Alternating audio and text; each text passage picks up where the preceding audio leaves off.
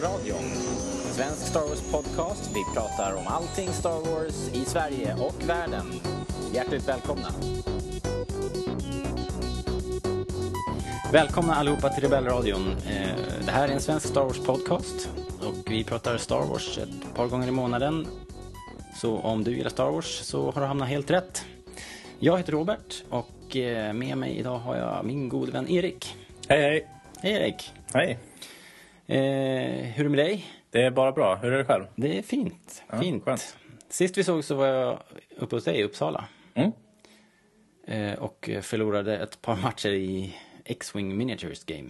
Ja, men det var nära att du vann. Ja, det var det faktiskt. Ja. Men det är lik förbaskat ett losing streak. Jag tror jag Ja. har, har jag tre eller fy, fyra i rad har jag, Oj då. när jag varit uppe hos dig. Fyra steg i utvecklingen. Mm, ja, precis. Ja. Det, det är någon sorts kurva. Men vi hann inte spela. Nej, Nej. men körde du någon match då? Mm. En. Ja, det gjorde du med dina Y-vingar och vann. Mm. Det var inspirerande. Jag gillar ju också Y-vingar. Nu fick jag en till. Jag köpte ju en... ehm, eh, kö- köpte ju ett helt lass med grejer på Blocket. Mhm. Vad blev det? Det var två eh, startkit. Eh, kit. Mm. och eh, så var det en Y-vinge och en TIE Advanced. Ja, schysst. Oöppnat. De var eh, jättesvåra att få tag på för ett tag sedan. Mm. Eh, Det tog lång tid. De var ju några av de första skeppen som kom. Men är det våg Ett. ett? Mm. Okej. Så de var med från allra första början. De kom där i början och sen, eh, sen har, de, eh, har de lyst med sin frånvaro jätte, jättelänge. Är det fortfarande så alltså? Att de är... Nej, efter, för ett, ett par veckor sedan så då kom de i en, i en ny, ny produktion. Då. Okej. Men eh, det var en lång tid och det var väldigt, väldigt svårt att få tag på just de två. Ja, jag hade en order liggandes på, kommer ihåg, på Y-vingar som låg på webbhallen i typ ett halvår. Mm. De skickade ut mail efter mail så här. Ska du verkligen ha dem? ja. ja, tack. Ja, tack. Jag väntar. Ja. Ja, ja det om det. Det var, det var roligt i alla fall. Mm. Eh, vi ska prata mycket X-Wing idag tänkte jag. Vi ska prata eh, X-Wing i miniatyrform då i det här spelet och sen så har jag ju läst, och du också, en, eh, en serietidning som heter Rogue Squadron. Mm. Där X-Wing-skeppet är väldigt närvarande hela tiden. Ja, Eller ja, kanske inte så himla mycket egentligen. eh, Vi tar det då. Vi tar det då. Det, det, det är ju en av huvudrollsinnehavarna. Det får man Ja. väl ändå säga. Men, men eh, det beror lite på vilken, vilken del av den där serien man plockar upp. Ja. Hur, många X-vingar man faktiskt får se. Eh, yes, det om det. Vad har du haft för dig något Star Wars? I Star Wars... Eh, något Star Wars-aktigt? Eh, jag har ju tittat på Clone Wars. Mm, okej. Det som ni pratade om förra gången. Yes. Eh, gillade väldigt mycket. Mm. Eh, det, var ju, det var ju skönt att äntligen få dem där. Eh, Säsong 6, ja. Ja, det blev ju väldigt mycket sådär, vad ska man säga, avslutskänsla. Ja. Så det var ju mycket, många hårstrån som stod och, och sånt. Men det var, det var skönt att få se det sista så man slapp gå och vänta på det. Ja, nu vet man att det inte blir något mer i alla fall. Mm. Det är lite sorgligt att lämna det bakom sig på något vis. Men eh, Vad väl, kände du när första avsnittet drog igång? Utav Oj. säsong 6.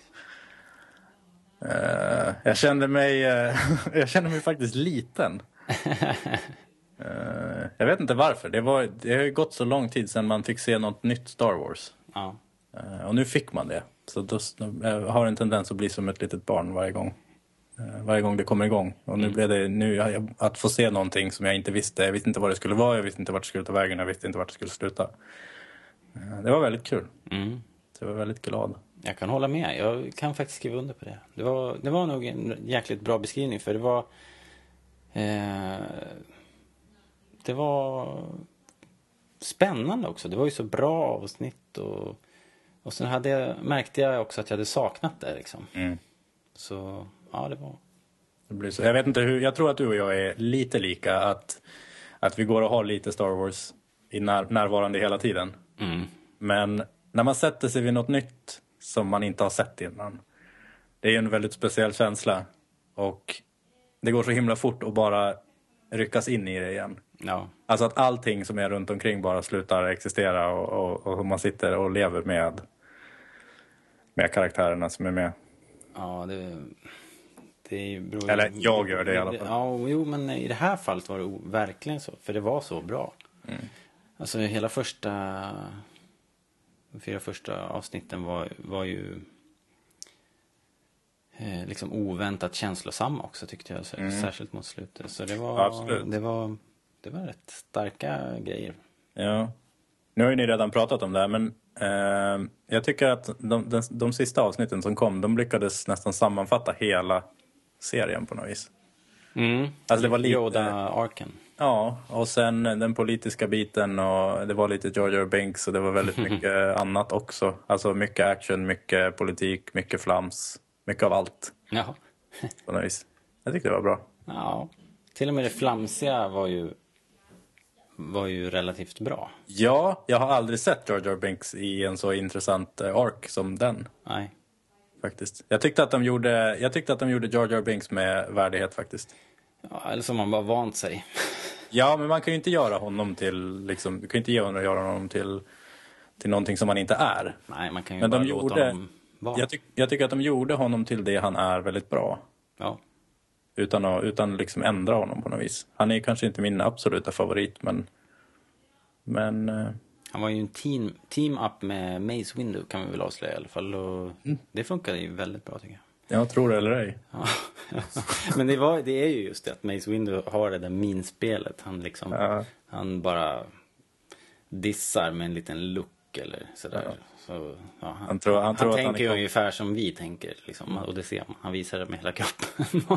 liksom, så det funkar. Man får utlopp genom eh, hans minspel. Mm. Jag skulle fråga hur det hade gått med ditt modellbygge. Lite sakta faktiskt. Du har satt ihop någonting. Uh, jag, jag har ju mer att öppnat förpackningen, kollat igenom bitar och börjat plocka i, eller klipp, knipsa loss dem ifrån knipsa loss dem ifrån sina fästen. Men det känns som att det som jag gjort hittills har varit väldigt administrativt och inte riktigt någonting som är någonting att nämna egentligen. Okej. Eh, man skulle också kunna säga att jag inte har gjort någonting. Beroende på. Uppmärksamma lyssnare kommer ihåg att det här var eh, en X-Wing-modell som du hade. Du hade en sån när du var liten. Ja. Och så hade du fått tag på en, en likadan. Fast, fast mint. Yes. Jag, hittade en, en, eh, jag hittade den gamla modellen som jag byggde när jag var 11. Eh, Och nu ska jag prova bygga en när jag är i 30-årsåldern och se. Sen får man se vad som har hänt. Ja, ja du får ju rapportera. Mm. Vad det lider. Du då? Ja, jag var inne på det lite grann. Vad, vad, eller? Nej. Eh, det har, jag har ju köpt alldeles så mycket grejer förra månaden. Eller månaden som gått. Så nu börjar de liksom trilla in här på posten. Mm. Ehm, lite mera, jag fick en Luke Vintage. Luke från 77. Mm. Billigt. Eh, och sen köpte jag det här X-Wing Miniatures eh, paketet då från någon spelare som hade gett upp. Så det var ju, det var ju rätt mycket grejer. Det, är- det är så mycket så att jag kan ge bort ett startkit. Det, Mm. Det det känns ju kul. Eh, för att alltså det var så oförskämt billigt. Jag fick ju fick det ju för en bråkdel av, av nypriset. Så att Mm. det, det var, var omöjligt att låta bli. Ehm, sen swipade jag ett par Lego Microfighters häromdagen för det var det. Jaså? Ja, Är de, eh, är de något du... jag har inte hunnit bygga dem. Okej. Men jag tänkte att eh, det kunde vara kul. Ja. Vilka, vilka tog du? Jag köpte en X-Wing och en TIE Interceptor Kul. till slut. Det blir lite dogfights med dem sen. Ja, jag tänkte se om, det hade någon, om de har någon, någon, någon swoosh-faktor. eh, så man kan springa omkring med dem. Eh, sen kom denna vi på mina 6 inch eh, Wave 2. Aha! Men jag har inte hunnit hämta ut dem så de ligger Aha, på posten. okej. Det glömde jag säga. Jag eh, köpte ju inte alla. Eh, men jag beställde ju en eh, Stormtrooper Ja, just det. som har kommit. Mm. Är du nöjd med den då? Du Mycket nöjd. Och de har skött sig med dekormål? Ja, Ja. den är alldeles, eh, alldeles precis som den ska vara. Det var en liten, det var en liten, liten, eh, var ett litet, litet kladd som jag tog bort med lite rengöringsmedel. Ja, för det här är ju en hang-up som du har haft kan man nästan säga. Eller Ja, det du är petig med målningen. Väldigt petig. Ja. Men jag fick ju, ja, som, som jag sagt tidigare kanske, att jag vill ju gärna välja. Mm, alltså, de diffar ju lite grann, så jag skulle gärna vilja välja, men den chansen har vi ju inte. Nej, Alltså de går ju inte att få tag på i Sverige i princip. inte över disk. Nej, så eh, det fick bli grisen i säcken. Japp. Men eh, det var en väldigt fin gris. Ja, I värsta fall får du väl köpa en till. Så får Mm. Men du köpte allihopa? eh, jag kommer inte ihåg, om jag ska vara ärlig. För det är väl en dubblett där i... Jag kan ha köpt tre bara. Jag kommer inte ihåg. Okej. Ja, du ser ju. Det, är någon sorts, det här är någon sorts missbruk. Ja. Nåja, jag ska, jag ska rapportera om det när jag, när jag vet vad det är jag har köpt för någonting. Mm. De, från, de, det är ju en figur i varje våg som liksom eh, går vidare till nästa våg. ja, av någon konstig anledning. Ja, och man köper från eh, flera amerikanska såna här leksakshandlare. De, de sätter ihop egna paket då med så man slipper köpa dubbletter hela tiden. Mm. Så det var ett sånt jag köpte tror jag. Det är jag nästan säker på. Men jag kommer faktiskt inte ihåg Mm. Vilken figur det var i så fall som var, som var dubblett. Var det Stormtroopen kanske? Det är väldigt... Nej, det var nog Boba Fett som jag inte köpte. För den har jag ju redan sedan tidigare. Så, var, det, så var det nog. Nåja, never mind. Ehm,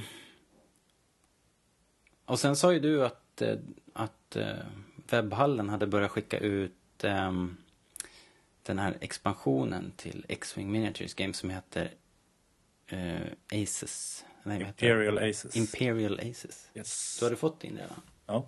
Ja. Eh, Det står, inte, det står inte att de finns inne på hemsidan, men, eh, men jag fick mina två stycken. Mm, coolt. Jag såg att de hade ändrat status på min, så de, det är väl någon som har tagit ut en plocklista. Ja, okej. Skönt. Så de är på gång. Ja, jag tror att det brukar ju vara så att när de, när de släpps så kommer det bara ett par stycken som kommer ut till, eh, eh, till spelbutikerna, brukar det vara. Alltså specialistbräd och figurspelsbutiker. De brukar få dem väldigt fort. Eh, men sen på senaste tiden så har det varit så att eh, bara några dagar senare så kommer det, kommer det till resten Just det. eh, också. Så att alla som har beställt sina borde, borde nog få sina inom några dagar. Men var det inte lite knas i, uppe i Uppsala där? Att de hade tagit förbeställningar som de inte kunde fylla? Ja, så blir det ju så blir det nästan överallt. Ja. Att det blir... Eh, det finns ju inte tillräckligt. Det är ju som eh, X-Wing Miniatures Game ständiga, ständiga problem. Att det är för många som vill ha det så att det säljer slut alldeles för fort. Har du några siffror så här bara? Hur, hur mycket folk det är som spelar? X- Nej, jag har inga siffror men eh, det är ju det är typ det största, det bäst säljande spelet som de som gör spelet, Fantasy Flight Games. Det är deras bäst säljande spel någonsin. Alltså det har sålt bättre än alla deras spel som de någonsin har gjort innan. Eh, och de är en av de, några av de största eh, speltillverkarna. Fantasy Så håller Flight på, Games. ja, håller på sen, eh, ja gud jag vet inte vad, jättelänge sen. 90-talet kanske, ännu tidigare. Mm. Mm. Ja, man skulle vilja... Jag undrar hur stort det är i Sverige. Mm. Liksom, eh, ja, vi kan, vi kan återkomma till det. Vi ska prata mer om, om det. eh, vi pratar lite nyheter. Vi kör nyhetssegmentet. Yes.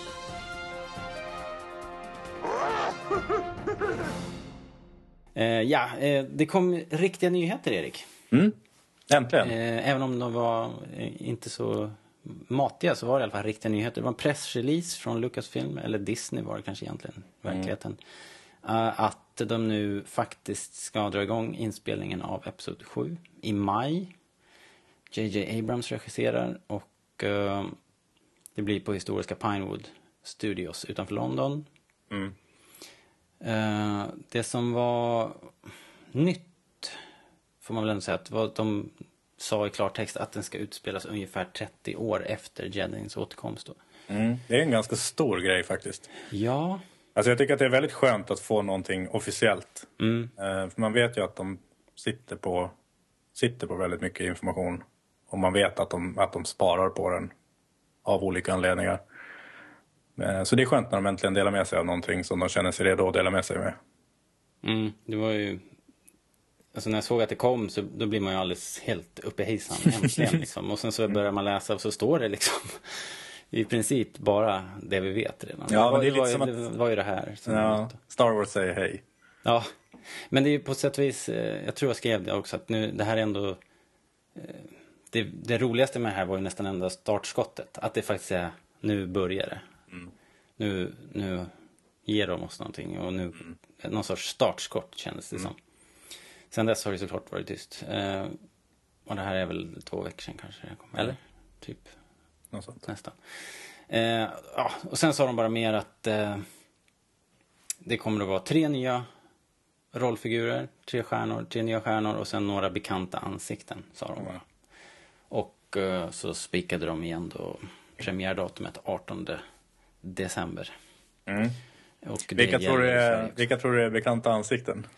Eh, jag tror att det är robotarna, droiderna, tror jag. Ja. Det att, eh, jag tycker det låter lite tveksamt med, med Han Solo nu. Ja. Ehm, det kom ett rykte idag som sa att han inte skulle göra nästa Indiana Jones utan att de höll på att leta efter en ny Indy. Mm. Och sådär. Så att jag vet inte. Det kan ju vara för att han har annat för sig. Ja, möjligen. Men han, alltså, de är gamla också. Det är, eh, jag har ju sagt det förut. Jag, inte, jag tycker ju inte illa om någon av dem. Men jag vill inte se dem, de där tre i en hel lång film. Utan ska de vara med, då ska det vara, då ska de vara där som eh, en, en liten flört och så får de lämna över helt enkelt. Mm. Jag hoppas att vi slipper dem. Ja. Så vi får se. Jag tror Mark Hamill kommer ju vara med. Garanterat. Mm. Det kan jag sätta... Det kan jag sätta en eh, Thai Advanced. Jag har en sån över. Okej. Ja, okej. Då, då kör vi på det. All right. Vad sätter du då? Nej, det får bli en Thai Advanced också då. Ja, det var ju meningslöst. Då får man ju en... Ja, du vill inte ha Jag vill din inte Thai ha Advanced? Nej, okej. Vad vill du ha istället då? Jag vill ha en avinge.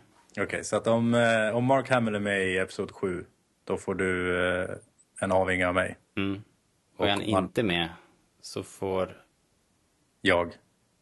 En Thai Eh. Advanced av dig. Va? Tvärtom måste det väl bli? Ah, okej. Ja, ja. Nej, vi, vi, vi kan bena ut reglerna för det här bättre senare. Ja. Men han kommer vara med. Han skulle, han skulle dyka upp på Disney eh, Star Wars Weekends här i sommar. Så att han är ju liksom inne i Disney-karusellen. Mm. Det är kul. Och, ja, ja, han är sympatisk. Det, han får gärna dyka upp. Utav de tre så är det min favorit faktiskt. Mm. Yes. Mm. Några mera tankar om, om de här eh, nyheterna eller något annat du har hört om Episod 7? Nej, eh, jag tycker fort, när, man, eh, när man tar tempen på, vad ska man säga, Star Wars-communityt på internet Mm. eh, så är det fortfarande mycket... Det är som att folk bönar och ber efter att få, efter att få Mara Jade och, och allt det där. Mm. De här... Eh, eh, vad, hon är väl typ Luke Skywalkers fru eller något sånt där. Ja. Och sen är ju- ska de få barn och så blir det någon... Ja. Ja, jag vet inte. Något sånt. ja, det spekuleras ju mycket i att det är... Ja, jag tycker det är, jag tycker lite, det är intressant. Alltså för att jag tycker inte att jag har hört så mycket om dem förrän det blev snack om att de inte skulle vara med. Då blev det helt plötsligt, då vill alla ha dem. Eh, Och att det är jätteviktigt med ett, ett par böcker som de var med i och att de, de absolut inte får, får bli ogjorda eller vad man ska säga. Ja, det är väl en del av, en del av Star Wars-communityt som läser böckerna. De tycker Mm. såklart att det här är jättebra. Mm. Eh, Jag har inte Säg- läst böckerna, just de där böckerna. Jag har läst lite om Mara Jade. Mm. Nej, jag har, inte, jag har ingen, ingen koll alls. Jag står som, en, står som ett frågetecken när de pratar om det där. Men det är ju synd ifall, eh, ifall de blir ledsna liksom. Ja, jag tror att eh, det är oundvikligt. Mm, jag hoppas det. Men det är fortfarande tråkigt om de blir ledsna. Ja, man vill ju inte att någon ska vara ledsen. Nej. Men svårt, samtidigt väldigt svårt att göra alla nöjda. Ja, Eh, omöjligt. Det är helt omöjligt. Det ser man ju på... eh, Det är ju sån diversitet bland eh, Star Wars-entusiasterna. Ja. en del blir ju kränkta så fort det är någonting annat än, eh, än originalinspelningarna. Mm. Och så ska, då ska det vara rätt originalinspelning också. Ja, precis. Då ska det, man ska helst bara sitta och titta på... Man ska helst bara sitta och prata med George Lucas om det. Allting annat är en remake. Och sen eh, därefter så finns det väl i princip vad som helst. Ja, precis. Det, det ska bli intressant faktiskt att följa det här och se hur snacket kommer På gå. tal om det, ett litet sidospår. Mm. Jag hittade en Youtube-film som jämförde lite såna här ändringar som, som de har gjort från eh, 97-releasen och sen eh, nu Blu-ray-releasen. Okej. Och eh, jag har inte riktigt, inte riktigt eh, kollat igenom det så himla noga. Alltså jag är medveten om alla ändringar som de har gjort men jag har inte sett att de har ändrat hur de har gjort ändringarna. Okej. Bland annat till exempel att, eh, att de ändrade att Greedo skjuter på, på eh, Han Solo. Mm. Och den första varianten såg det ju jättekonstigt ut. Ja, det, det tror jag det var den vi fick se på bio va? Så här, det, Mm. mm, något sånt. 97 va? Ja, precis. Och sen i Blu-ray-releasen så är det väl lite nedtonat. Ja. Eller lite bättre specialeffekter och sånt där. ja. De har ändrat tajmingen på det mer än en gång tror jag. Mm. Tyckte jag hörde. Jag har inte sett det här som du pratar om men just, just det där har de ju varit och pillat i flera gånger. Sen har de hörde jag också att när, när de släpptes på laserdisk så fick de också klippa om dem lite för att formatet inte kunde eh, ja, det hade något med mängden data man kunde ha på de där diskarna och sådär. Så det, det, har, det har dykt, de har ju eh, ändrats av både liksom George Lucas eh, egna skäl och tekniska skäl Mm. för bio och disk och sådär. Mm. För att inte tala om alla märkliga pan and scan versioner man fick stå ut med på video så här, där man bara ser en, eh, en fjärdedel av bilden. Ja, just det.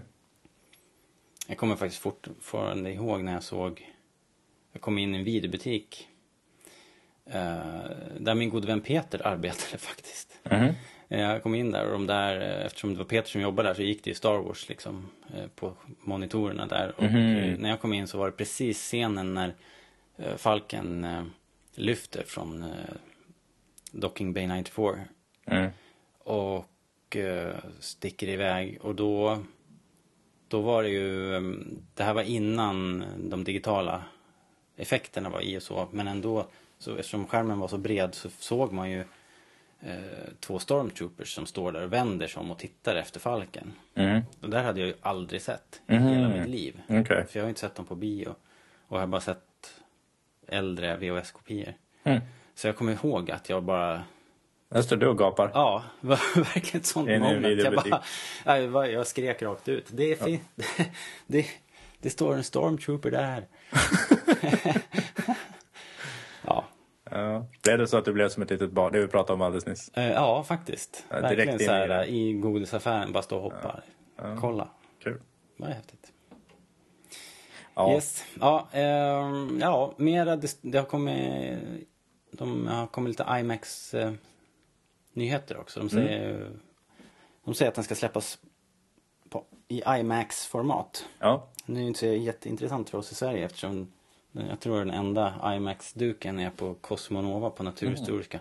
Har du eh, sett en IMAX någon gång? In, ingen spelfilm Nej. eftersom det inte Men- finns här. Så. Men har du sett en IMAX? Alltså, jag Film? har lite... No, alltså, eh, förklara för mig som om jag inte vet vad det är. Eh, alltså en IMAX-biograf Ja. är ju en... Eh, det är ett format precis som eh, Pan, Panavision eller vad heter det? Alltså, så att det är ju en, jätte, en jätteskärm helt enkelt. Mm. Eh, jag trodde att alla IMAX-teatrar var såna här halvdomer. Mhm. Så att man hade, du vet, bild Mm. väldigt i periferin också. Så att, man, att det skulle vara liksom en väldigt... Eh, att man skulle vara helt innesluten nästan i, i sitta i, i den där halvdomen och ha bild runt omkring sig. Men tydligen är det inte så, utan det är bara enorma skärmar. Mhm. Ja, Så inte som typ Cosmonova? Nej, det, Nej. det är ju IMAX. Och det var så jag trodde alla var. Men jag tänkte, hur, hur blir det liksom? Att kolla på Star Wars och James Bond i en sån, det måste kännas lite märkligt. Men tydligen så är det inte så det är i USA. Utan det är bara en, en IMAX theater, det är bara en massiv jätteskärm. Mm. Tydligen en enorm takhöjd. Mm. Och ehm, SF har snackat om att de ska bygga två koncept, har de bara sagt, i sitt nya flaggskeppsbiograf här i Solna. Mhm. Som kommer i det här Mall of Scandinavia. Mhm. Som ett stenkast från eh, Rebe- Rebellradions eh, Solna-studio. Mhm. Men jag kunde inte hitta någon mer information om det, så jag vet inte hur det går med det här projektet. Det blir säkert en biograf, men om det blir någon IMAX, det, det vet jag inte. Och, eh, men de skulle ju rent teoretiskt eh, kunna få klar den då till vintern 2015. Det vore coolt. Mm. Det kommer ja, undrar hur många gånger man kommer se den där filmen på bio. Ja, så många gånger man kan tror jag. Jag tror också det. Det kommer ju vara det, kommer ju vara det där... Det där, äh, o, o, den olidliga tiden från att den slutar gå på bio tills, tills den kommer tillgänglig i, för hemmabruk. Så då gäller det väl att passa på kanske.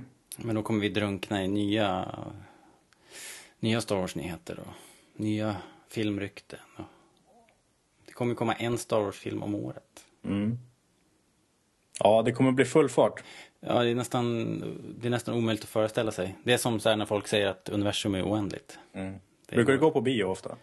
Ja, alltså jag har ju så mycket småbarn och grejer så det blir, Aha. det är en liten, eh, det är ett projekt alltid. Man får bestämma sig och så gör man det liksom. Det, är inte, det blir inte så ofta. Jag går väl och ser kanske, mm, ja, inte ens en i månaden tror jag. Tyvärr. Mm. Nej, det gör inte jag heller. Eh, Inte min grej. Men äh, när Star Wars kommer så kommer, det bli, kommer man bli så illa tvungen tror jag. ja, du gillar inte bio? Nej. Nej. Det är för stökigt och prassligt. Och, Ja, mycket folk. ja, ja. Dålig bild. Fast det är roligt eh, ändå. Man, eh, jag tycker man, det är lätt, lätt att förlora sig vid en biosalong. Man Mm. dyker in i det på ett annat sätt. Mm. Nåja. Um, ja. Mera nyheter. Vi hade ju mera priser till ehm, tv-serien Star Wars The Clone Wars. Det var um, BTVA, Voice Acting Award. Uh, och Ian Abercrombie belönades postumt Mm. för sin roll som Kansler Palpatine och Sidious. Mm. Det är ju bra. Ja, det var ju trevligt. eh, Och det är ju kul att eh, när tv-serien får, får priser tid, Mm. liksom i, för sent naturligtvis. Men, men det är ändå trevligt med att den faktiskt uppmärksammas. För den eh, eh, håller ju hög kvalitet. Ja, det är lite sorgligt att en, en bortgången person får, får pris för en, hans insats i en bortgången serie. Ja, ja. Det, är- det, är- det är verkligen sinnebilden av någonting som kommer för sent. Mm. Eh, James Arnold Taylor och Nika Futterman fick också för sina roller Ja, det var ju kul. eh, Obi-Wan. Och eh, Nika gör ju Assai Ventress. Ja, Välförtjänt också. Ja, hon är också en, en röstskådis i en... Det kom ett, eh, nu blir det lite sidospår. Det kom ett spel för ett par år sedan som heter Dead Space. Mhm. Och eh, till det spelet så kom det en, en tecknad film. Ett skräckspel, så att det är ingen tecknad film som barn ska se överhuvudtaget. Och där är hon med. Eh, Okej. Det är coolt. Så det är kul att hon får pris. Jag tycker hon är bra. Ja. Ja, alltså Ventress utvecklades ju i den här tv-serien till Mm. en supercool karaktär som man Verkligen. gärna skulle vilja haft ett avslut på också här nu då. Ja, hon är en av mina stora favoriter. Ja, vi får se då om, om någonting läcker över i Rebels. Man kan ju alltid hoppas. Mm. Mm. Sen har vi um, bara en liten blänkare om uh, Tidaholm och Stadsmuseet Tidaholm som ska göra en Star Wars-utställning. Det här har vi pratat om för länge sedan. Säkert uh, något år sedan. Jag tror att det var i den vevan när vi kom hem från Tyskland i somras så kom den här nyheten att uh, Tidaholms stadsmuseum skulle göra en Star Wars-utställning. Och nu börjar det närma sig så um, om ni kollar på rebellradion.se så finns det, kommer det finnas en länk där så ni kan klicka och lyssna på ett inslag som P4 i Skaraborg gjorde. Mm. Där de intervjuade nyckelpersonerna. Mm. Det ska bli kul, eh, kul att se den där. Mm. Det var ju en utställning för, eh, nu är det väl ganska många år sedan kanske, uppe i Örnsköldsvik va? Ja, precis. Var du och såg den? Nej. Inte jag heller. Jag ångrar mig så bittert att jag inte åkte dit. Ja, jag med. Eh, så det misstaget ska vi inte göra om. Nej, Det får bli en liten roadtrip till eh, Tidaholm. absolut. I maj naturligtvis. Eh, Star Wars-månaden. May the force be with you ska den här utställningen heta då. Mm. Så, så det lär väl komma något litet eh, reportage därifrån vad det lider. Absolut. Yes. Eh, vill du prata lite Lego? Ja, Lego tycker jag. Ny Lego Sandcrawler. ja. inte, inte så illa eh, heller. Nej, rejäl kan man nästan säga. Eh, Ja, verkligen. Den är ju jätte, jättefin. Jag tänkte först, jag, är inte så, jag har inte så jättestark relation till det här fordonet överlag. Eh, Så när de sa att det skulle vara den så, så höjde jag väl inte båda ögonbrynen kanske. Men sen när jag fick se den så blev jag faktiskt riktigt sugen. Det finns en sån här fin, de har lagt upp en sån här fin eh, de- designerintervju på Legos eh, Youtube-kanal. Ja. Nu ska Där- man inte kasta sten i glashus men den killen kunde ju behövt lite mediaträning faktiskt. Ja, men eh, han, han ska ju göra Lego-set, inte prata. Han har inte tid att prata för han gör så bra Lego-set, det ser du väl? Ja, det såg jag faktiskt. Ja, Ja. Jag, tycker, jag tycker inte alls att det gör någonting. Nej, jag nej, ser, ser gärna att de... eh, Ja, Jag tar tillbaks. ja, det får du faktiskt ta och göra. nej, jag tycker det är jättekul att höra dem. Han som, det finns ju en som... eh, Den här eh, Sandcrawlen blir väl ett sånt här Ultimate Collector Set. Mm. Um, och det ett annat som kom, vad var det? 2013 eller 2012? Det var ju en B-vinge. Mm. Ja, det var förra året. Mm. De släppte ju en X-vingen nyligen också. Mm. Red 5 eller Red Just det. 1. De, båda de två har ju också såna där Ja. eh, videos. Det är kul att se. ja, det är ju häftiga modeller. Jag tycker det är roligt när de sitter och myser lite på, på dansk-engelska. ja. Den här var ju väldigt fin, mycket detaljer. Man kunde öppna och... Alltså det är en jättefin leksak men den var ju 3296 delar. Ja, man tänker ju att 3000 så här, dollar, liksom. Ja, precis. Man tänker ju att så här, Eller, ja, men eh, en, Förlåt, 3000 kronor, inte 3000 dollar. ja, just det. 3000 dollar hade blivit lite dyrt kanske. Ja, det är dyrt ändå. Ja, nej jag tänker så här att eh, en sandcrawler, ja det är en brun fyrkant liksom. Eller en brun kub typ. Och det är det ju, men den är ju brun kub gjort i, med den vanliga finessen som Lego har på sina, sina sätt. Ja, jag tyckte att den här modellen, den gamla modellen, det har ju funnits förut den här och den, den var ju verkligen så, såg ut som en, en trave tegelstenar. Den, den här var fin alltså. Ja, verkligen. Här har de verkligen fått till alla vinklar och detaljer och, Ja, och ehm, det var ju, nu var den väl inte motoriserad men man kunde ju styra den och köra den och öppna överallt. Och, ja, jättefin. verkligen. Men eh, ja, ingenting jag kommer att prioritera. Asså? Nej. Nej. Nej, ja, ja, nej. Det går ju inte. Nej. Men jag gillar verkligen farkosten. Det jag tycker om de scenerna i Episod 4 när den där puttrar fram i öknen. Det är, det är några av mina absoluta favoritscener. Jag Här kommer det grejer. Ja, jag älskar det där när, när den kör över sanddynen där Ja. och gnisslar fram. Jag, jag vet inte vad det är. Det är någonting där som Ja. tilltalar mig. Och ändå ska du inte ha den här. Ja, vi får väl se. Vi får väl se. Ja. fin är den i alla fall. Ja, den är jättefin. Men det är vi lite inne, Well nu är vi kanske lite inne på det jag prat, när vi pratade om Lego för jättelänge sedan. att eh, det finns väl, är, jag är faktiskt lite mer i också. Alltså det finns ju en överhängande risk att jag kommer att titta på en genomgående recension av den här och sen eh, nöja mig med det. Ja. ja. Det var ju ett bra tips du, du levererade här för några veckor sedan. Att man kan ju faktiskt kolla på de här eh, unboxing-videosarna på YouTube. Så det är nästan som att man har byggt den efter att man har sett en, en och en halv timme Ja, lite. av det där. Så, ja, häftigt. Ehm, om du köper den där, Mm. då kanske man får komma över och bygga en, en påse. Du, det kanske vore, det kanske vore något. Eller så startar vi en förening. Vad är, eh, men eh, du, vad är 3000 eh, kronor delat på två? Ja, det är väl en 1500. Ja. Mhm. You in? Ska det funka som en vandringspris då liksom? Ja, det kan du väl göra? Hon får ha den varannan vecka, så här som ett skilsmässobarn. Liksom. Ja. Nej, eh, därför har jag nog funderat lite på. Ja, ja, okej. The offer still stands. Det är ett ansvar liksom. Att dela på en sandcrawler. Ja, ja. Det är som att äga en båt ihop. Liksom. typ. Fast mycket roligare. Ja, faktiskt. Jag har, jag har ägt båt ihop. Det var inte roligt. Så att det här känns mycket bättre för redan. ja. Ehm, ja, sen eh, har... eh, Om vi går vidare här bland nyheterna här och gräver lite så...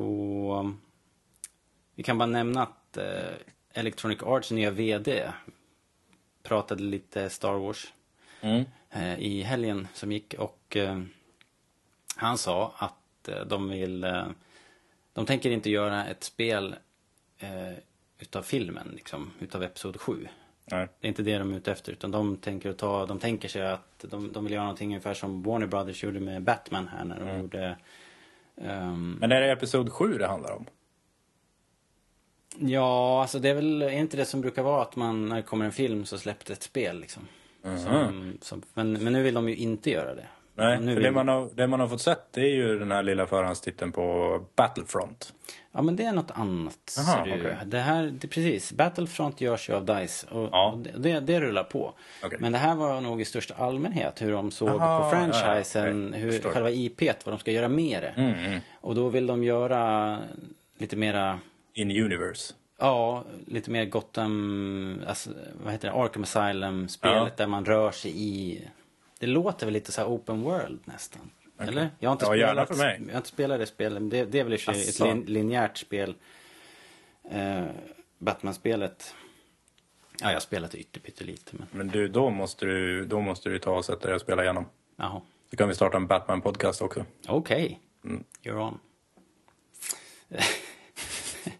Eh, ja, ja, hur som helst så vill de hitta känslan i Star Wars, sa de. Mm, det är bra. Lättare sagt än gjort. Det är många som har försökt, kan man säga. Mm. Eh, Men lycka till. Men jag vet inte. Jag, jag hoppas. Alltså jag hoppas inte. Jag har ingen förtroende för Electronic Arts. Alls överhuvudtaget. Det är många som är sura. Det har varit lite diskussion på, på Facebook. Ja, men de är ju... Electronic Arts har väldigt många problem. Eh, Ett av dem, om vi går... Tyvärr så är det ju också så att ett av de bättre, alltså ett av de mindre allvarliga problemen de har, det är hur deras releaser går till och ser ut. För att de ger, de ger ju till exempel en spelutvecklare alldeles för kort tid. Mm. Eh, och sen brukar det vara så att eh, de kortar ner den ännu mer och så kommer de bara in och rycker spelet. Och släpper det. Så Mm. att det blir ofärdiga spel. Eh, det, det har blivit nästan Electronic Arts signum. Förutom att de behandlar sin personal dåligt och beter sig som lortar i största allmänhet. Eh, så att, att det är de som gör det, det är en varningsklocka. Men eh, DICE har ju en tendens att, att kunna jobba bra. Ja, haft, Men, jätte- eh, man har ju haft problem nu då med Mm. eh, Battlefield 4. Mm. Releasen gick ju inte så smidigt om man, är, om man ska vara snäll. Sen, men nu är det en ny VD här och de har ju de säger ju att de har tagit till sig den här kritiken så att vem vet. Det kan ju, kan ju bli bra. Mm. Det är lätt att säga. ja, det är också lätt att Mm. säga faktiskt. Det är säkert mycket lättare att säga än att vända den här trenden. är jag helt övertygad om. Eh, Det är ett jättebolag och eh, ett amerikanskt bolag dessutom som eh, först och främst ska tjäna pengar till sina aktieägare. Så Yes. det, det, är ett- det är ett svårstyrt skepp om man nu ska se det ur, ur den här synvinkeln. Att, att man vill ändra om och ge dem mer tid att utveckla allt det där. Det kostar ju pengar liksom. Så det, Ja, alltså det gäller väl att ha...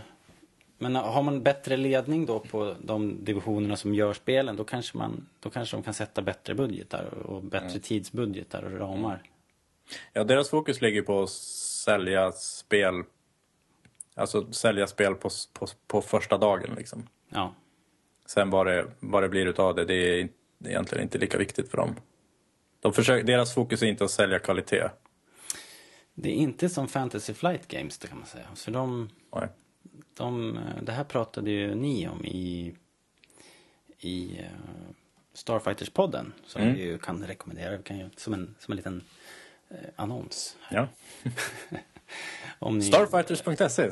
Precis. För dig som gillar eh, att spela X-Wing Miniatures Games så ska ni absolut lyssna på det. Det är ju, det är du, Erik och eh, vår gode vän Patrik som analyserar Yes. och eh, diskuterar det här spelet. Mm. Eh, jag har tappat tråden, jag glömde, glömde vad jag skulle säga. Fantasy for Light Games kontra Jo, att de är så himla medvetna om eh, sin fanbase och att de inte vill släppa något halvdant. Att de är nästan eh, knasiga för att de vill inte hålla saker i lager utan de är mer intresserade av att släppa nya, bättre grejer. Ja. Så man kanske kan vara, vi pratade ju om att det var en del skepp och sånt som inte fanns i lager utan var slutsålt och sånt. Man kanske inte ska ta för givet att Wave One alltid kommer hänga på pegs i Nej. butik. Nej. Nåja. Inte i den formen som vi känner det nu i alla fall. Nej. Det ska man inte ta för givet. Sen, vi sitter ju inte på någon insiderinformation så det, utan det är ju bara rena spekuleringar eller spekulationer. Det Men- låter lite konstigt kan jag tycka. Att de Ja. inte skulle... De är lite konstiga. Ja men det är det På ett bra som- sätt, alltså. Ja jo exakt. Det är ju det som är grejen här. De är, de är ju De, eh, De, de är ju superfans och älskar ju att spela. Det är De- ju inte vdn kanske på Electronic Arts. Nej, de, Fantasy Flight Games tillhandahåller ju eh, X-Wing Miniatures Games som är det här figur eh, rymdskeppsspelet. Och sen finns det ett, ett koncept som de kallar för Living Card Game, alltså ett kortspel. eh, Där man, två spelare drar lite olika kort av lite olika effekter. Jag är jättedålig på eh, vad det handlar om, det kan man ju googla. Men sen så gör de rollspel också i Star Wars-universumet. Och eh, de rollspelen är väldigt, väldigt bra. Eh, och de, de kommer med nya expansioner hela tiden. Som, som liksom, och ett- genomgående tema som Fantasy Flight Games har med sina expansioner är att varje expansion tillför någonting som påverkar allting annat på ett väldigt positivt sätt. Det är inte en expansion som kommer som tar över och så är det bara den som gäller utan dina gamla leksaker kommer också vara bra sen. Det där ska vi prata mer om. Helt klart. Hörru, slut på nyheterna. Ja. Swish.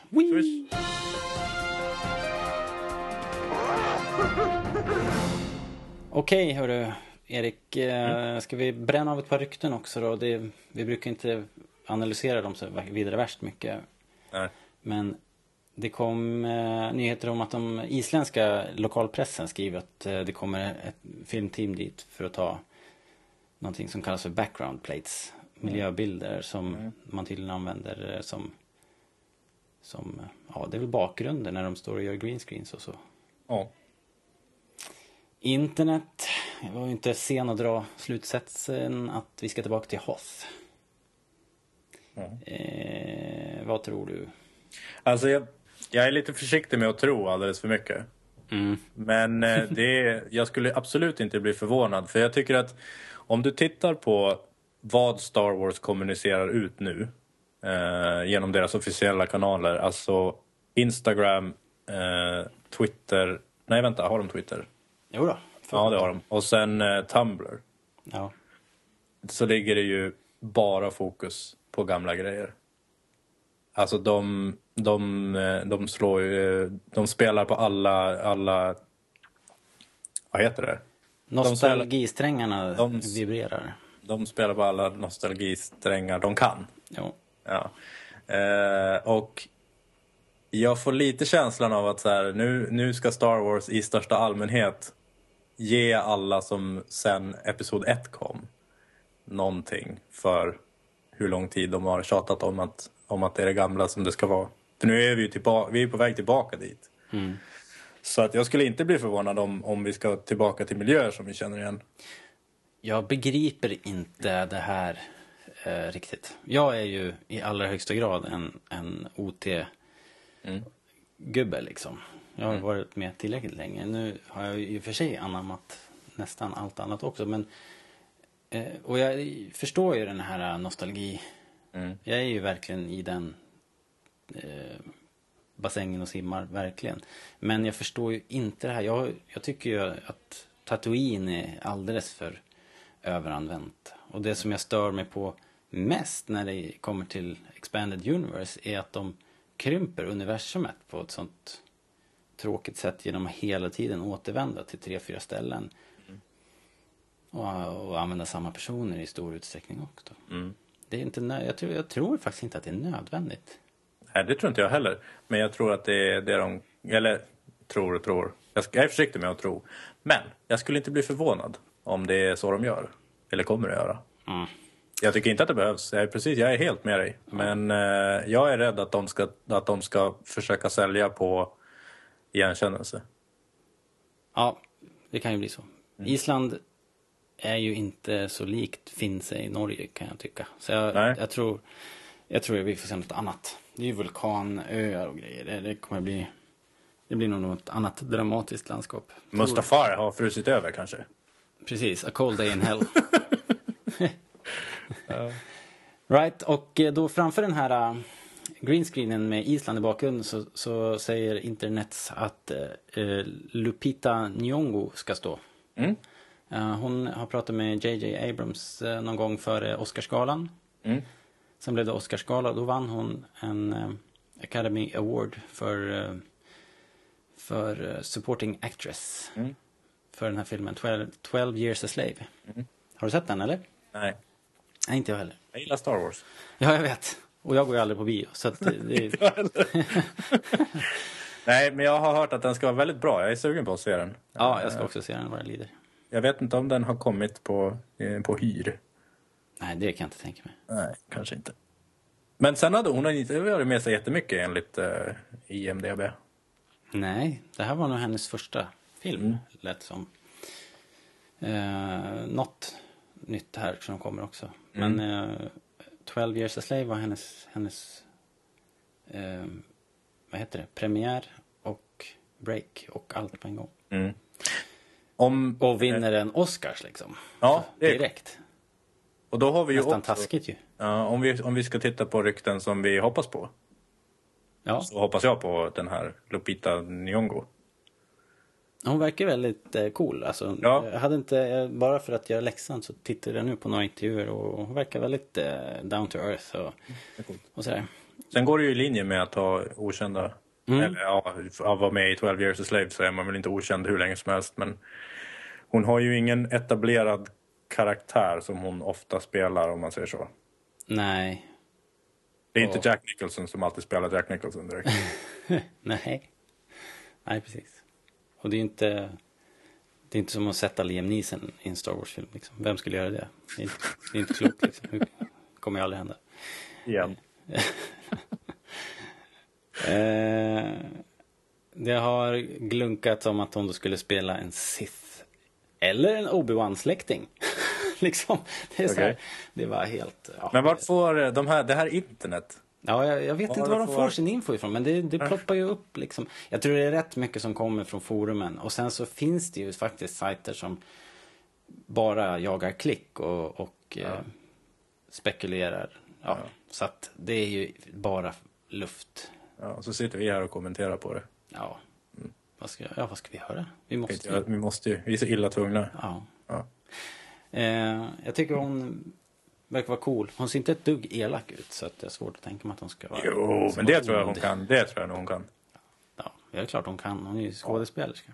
Ja, jo, i och för sig. Mig kan hon lura. right, det var det det.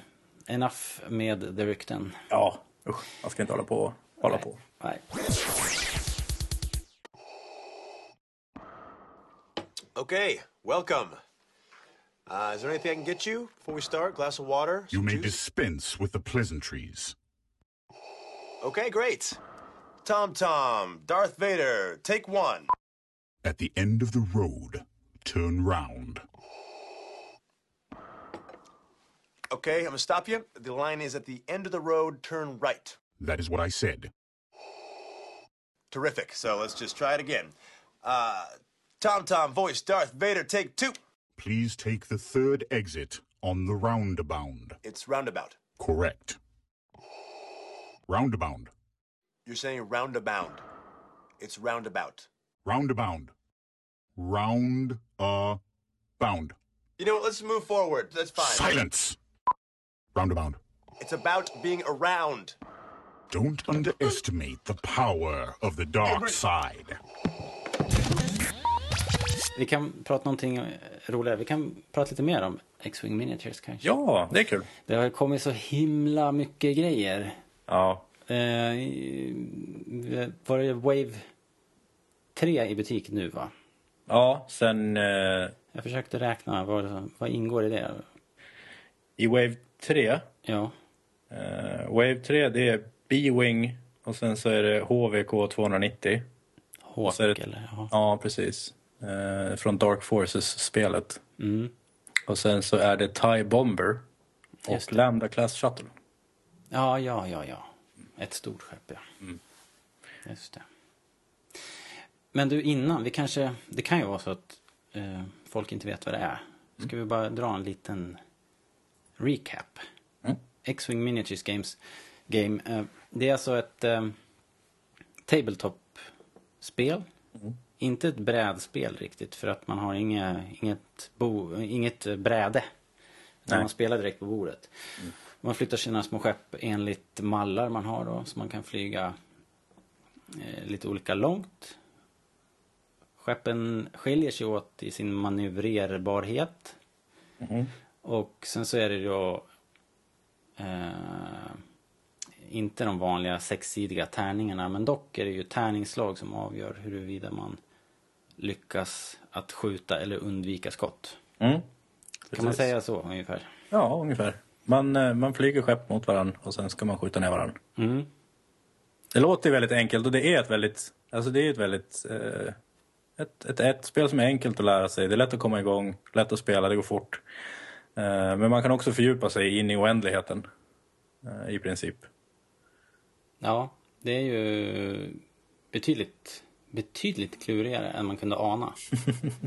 Faktiskt, när jag inte ett ont anande ställde upp det där första gången så, så vart jag faktiskt förvånad. Mm. Hur pass enkel den här spelmekaniken är men hur komplicerat det är Mm. eh, att eh, bli bra på det. Det låter som den där gamla, vad var det? Det var något sånt här spel. Så här, a lifetime, a minute to learn, a lifetime to master. Mm. Ja, Precis. Ehm, ja alltså det finns eh, mycket fighters och så finns det large ships som är Mm. Falcon, Slave One och eh, vad sa du nu då? Den här Lambda skeppen? Class Mm. Lambda Class Shuttle.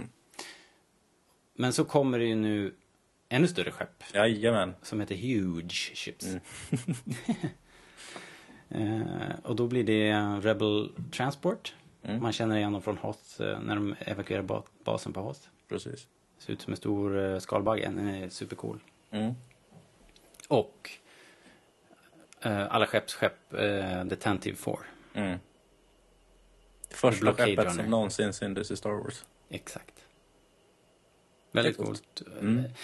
De, de eh, har... eh, De här kommer ju vara väldigt stora. Tanken från början var att allting skulle vara i skala också.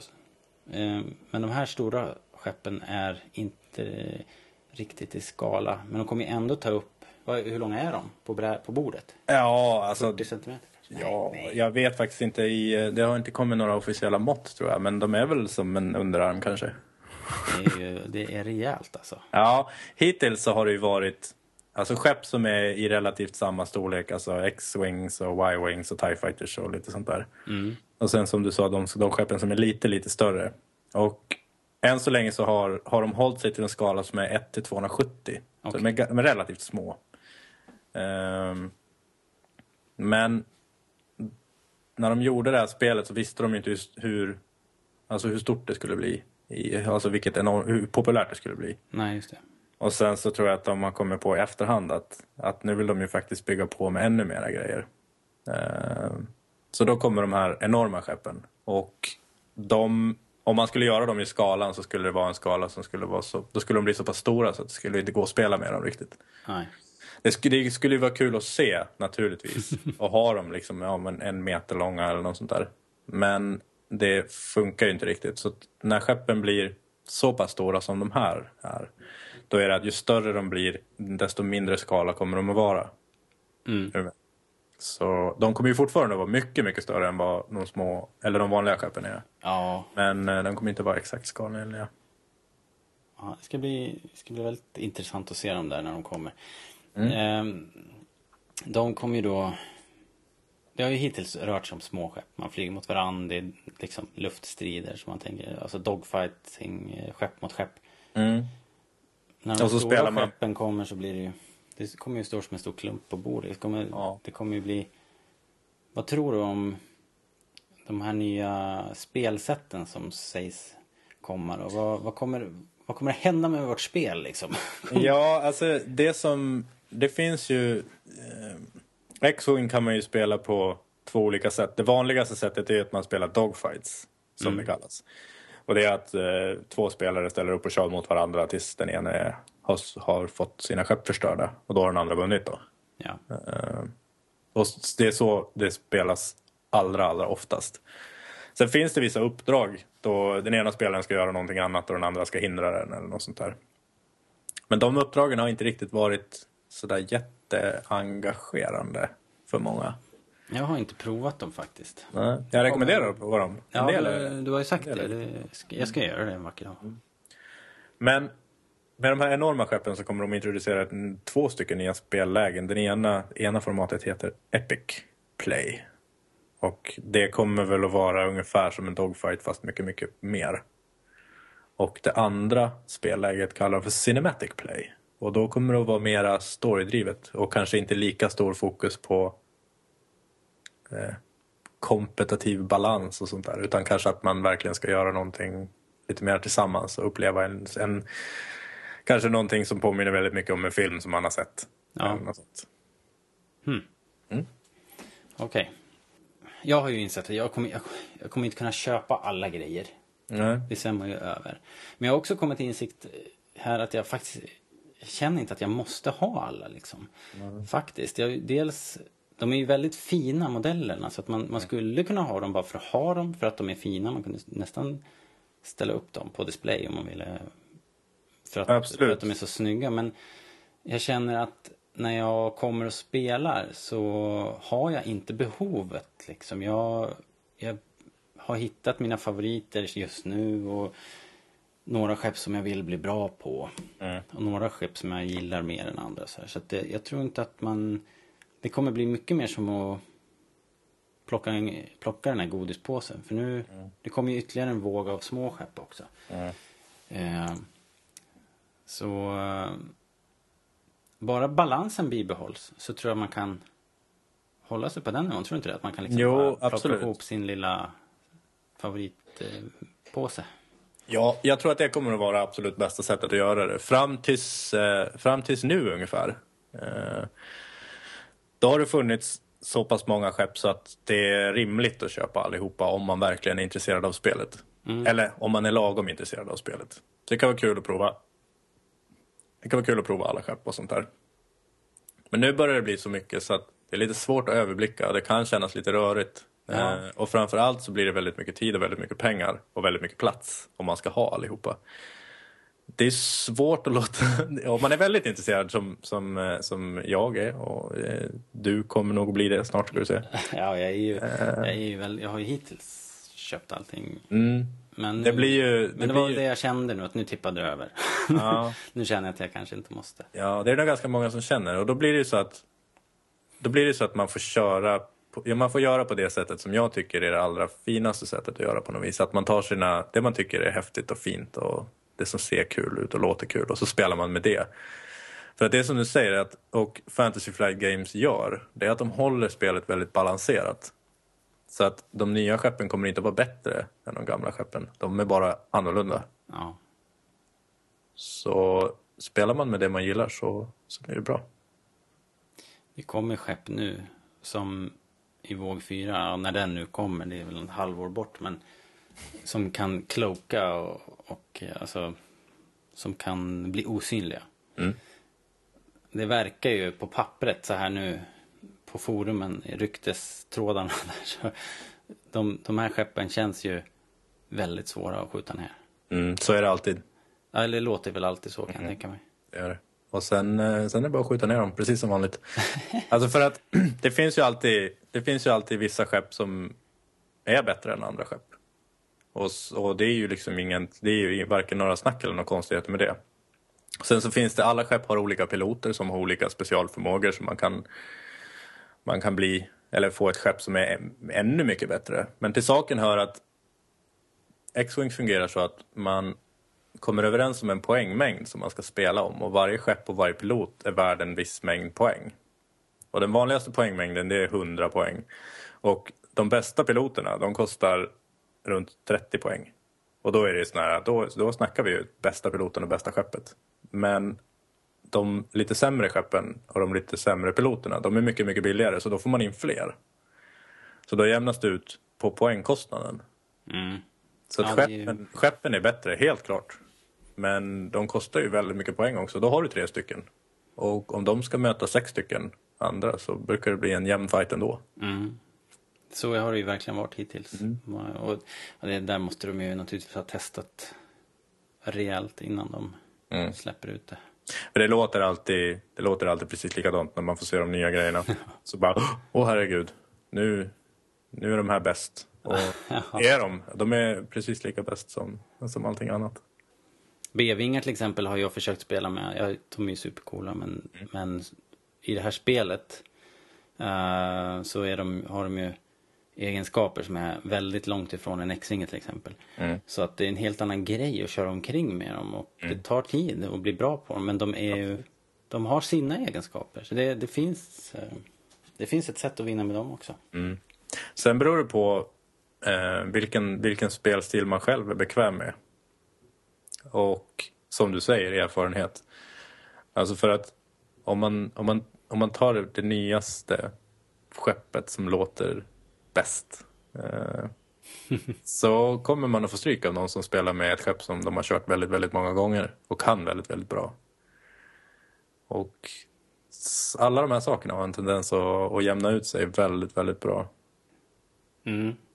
Generellt. Har det, mm, du som har sp- spelat mycket och som har den här föreningen också. Märker du, har, har, har eh, vågen eh, passerat nu? Är det, går folk tillbaks till Wave 1 och spelar mera TIE Swarms och X-Wing igen? Eller är det bara, kan, kan man märka något sånt? Att Nej. under en stund, för ett tag där så spelade alla bara med A-Wings och, och TIE-bombare. Liksom. Ja, alltså det blir ju alltid så att när det kommer, när det kommer nya grejer så vill ju folk prova de nya sakerna. Eh, Så kommer det ju alltid att vara förstås. Så, så gör ju jag också. Och sen, men sen, det sprider ut sig ganska jämnt. Alltså vissa fastnar för de nya sakerna. Andra tyckte bättre om de gamla grejerna. För att det kanske är de de är vana vid eller vad det nu kan vara. Och sen en del, de kombinerar gamla med det nya och sen så blir det liksom, ja, jag vet inte, det sprider liksom ut sig eh, jämnt fördelat tycker jag. Överberoende på vad folk gillar, vad de tycker passar, vad de, vad de tycker känns bra. Eh, vad de kanske inte tycker om och vad de tycker känns coolt och snyggt och häftigt och Star Wars. Och, Ja, det, är- det är ju så jäkla roligt. Det, i, I helgen när jag var och hälsade på så... Ni, ni har ju en lirare där som kör bara med avvingar. Väldigt ihärdigt. Ja. Kör alltid avvingar. Eh, så här, som en... Med en dåres envishet. Men han är väldigt framgångsrik. Absolut. Och det är kul att se. Jag är väldigt glad över hans, eh, hans envishet. Eller vad man ska säga. Eh, Han är inte ens envis. Han tycker ju han tycker om det skeppet. Ja, Och så vill han spela mycket med det och det gör han. Och han blir väldigt bra med det. Och det som är kul med att han gör så. Det är att det skeppet anses vara dåligt. är exakt det jag skulle komma till. Att det, det har ju setts som ett lite vekt skepp. Mm, absolut. Sen sätter du någon som kan det bakom rattarna och då är det inte vekt längre. Ja, det är det som är så För det hör ju också till, alla skepp är inte lika lätta och enkla att, att se potentialen i. En del saker är väldigt, väldigt komplicerade och det tar väldigt, väldigt mycket övning att, att lära sig och att, att begripa grejer. Eh, Jag är så i allra högsta grad att, att en del grejer det är bara, det bara kokar i huvudet när jag försöker tänka på massvis med olika kombinationer. För att det finns ju, ja som sagt alla piloter har ju sina specialförmågor och en del specialförmågor gillar dem och en del specialförmågor som har gillar, gynnar andra piloter. Och sen så kan man kombinera det med piloter som gynnar den första piloten ännu mer och så går det liksom att väva ihop det till, eh, till eh, oändligheten i princip. Och då kan man åstadkomma väldigt mycket. Som, som, ja, jag tycker det är svårt att hitta de där synergieffekterna. Mm, det brukar komma med tiden. Ja. Ja, Ett problem, eller det, det är inte ett problem. Men eh, innan så var det ju så att då kunde man ha allt och så kunde man kunna allt. Och så kunde man överblicka allt och fatta allt liksom. Eh, jag utgår ifrån mig själv. Det finns ju naturligtvis de som alltid kommer att kunna det. Eh, Du pratar om det här spelet nu, inte Mm. om eh, den samlade kunskapen. Nej, men det gäller väl den också. men i spelet så börjar det bli så pass, med alla, när alla de här kommande expansionerna har kommit, då börjar det bli så svårt att överblicka det. Så att man, och jag tycker att det känns skönt på något vis. För då släpper man, alltså det börjar bli så mycket så att det inte går att förvänta sig att man ska kunna allting. Så då får man mera fokusera på det man, det man gillar. Det som ser coolt ut eller låter coolt eller känns bra eller känns kul och sånt där. Det tycker jag är väldigt bra. Ja, jag håller precis med. Jag, jag, det, var, det var nog lite den insikten jag fick idag. Att nu kanske man kan släppa det här. För jag, jag känner ju också att jag... Eh, jag spelar inte lika mycket som du gör till exempel. Och jag har definitivt inte koll på alla piloter och sånt här. Vad alla piloter kan och inte kan göra. Eh, men nu börjar det kännas så stort så att jag, jag, jag kan bara släppa det, köra de skeppen jag älskar och, och så är det bra med det liksom. Precis, för att annars så riskerar man ju, om man ska försöka prova allt eh, och kunna allt, då blir man ju, eh, vad är det brukar sägas, Jack of all trades, master of none. Mm. Så att man, man har provat allting en gång men man, man får fortfarande inte eh, man får fortfarande liksom inte ihop det. Och så är det i allra högsta grad för mig. Så har det alltid varit. Jag är lite trög. så att jag måste tvinga mig själv att, att inte kasta mig över allting som, allting som blänker. Och det är ju svårt för att de här grejerna blänker väldigt, väldigt mycket. Men att man får ta det lite lugnt och om du provar en sak och så funkar det inte då är det, då är det inte för att den saken är dålig utan det är för att du kanske behöver öva lite mer på den. Det enda jag är rädd för är att de ska mm, på något sätt, eh, du vet, släppa en ny expansion med någon pilotkort. Som någon kommer på att i kombo med det här pilotkortet från den här eh, add-onen för ett halvår sedan så har man en atombomb liksom. Ja. Eh, det finns en risk med det. Att eh, då, då faller ju hela spelet pladask liksom. Ja, alltså risken är väldigt liten om du tittar på Fantasy Flight Games som gör det här spelet utgivningshistorik vad det gäller alla spel. Eh, De, har, bruk, de brukar inte riktigt göra så utan alltså de speltestar det så väldigt mycket och jag Alltså det är en av, en av de absolut största anledningarna för att jag håller på med det här spelet överhuvudtaget. Jag är inte så intresserad av bräd och figurspel i största allmänhet utan anledningen till varför jag tycker om det här så mycket det är för att det är Star Wars och för att det är ett sånt bra spel. Och jag har faktiskt fullt förtroende för att de kommer att komma på alla kombinationers eh, Liksom fulla potential. Ja, långt det- innan någon det annan kommer göra det. Alltså, de måste bara det. för annars, annars De är ju måna om sin produkt. Liksom. De vet ju vad det innebär, en sån där sak. För det har ju spel, spelsamhället fått se hända om och om igen. Ja. När de släpper någonting bara för att sälja det nya eh, mer så gör de det lite bättre och sen så förstör de sitt eget spel. Ja. Jag tror inte att det är någon risk här faktiskt. Jag kan ju naturligtvis ha fel men jag känner mig rätt säker på att det inte kommer att bli det. Vi var ju inne lite grann på det tidigare här när vi pratade om Electronic Arts. Att Fantasy Flight Games är ett, ett eh, lite märkligt företag. Att de är så himla, såna himla fans själva. Eh, när jag hör vdn för det där bolaget snacka, jag kommer inte ihåg vad han heter nu, men så är det ju, han låter ju precis som, som du och Patrik när han sitter och pratar. Det är exakt samma tugg liksom.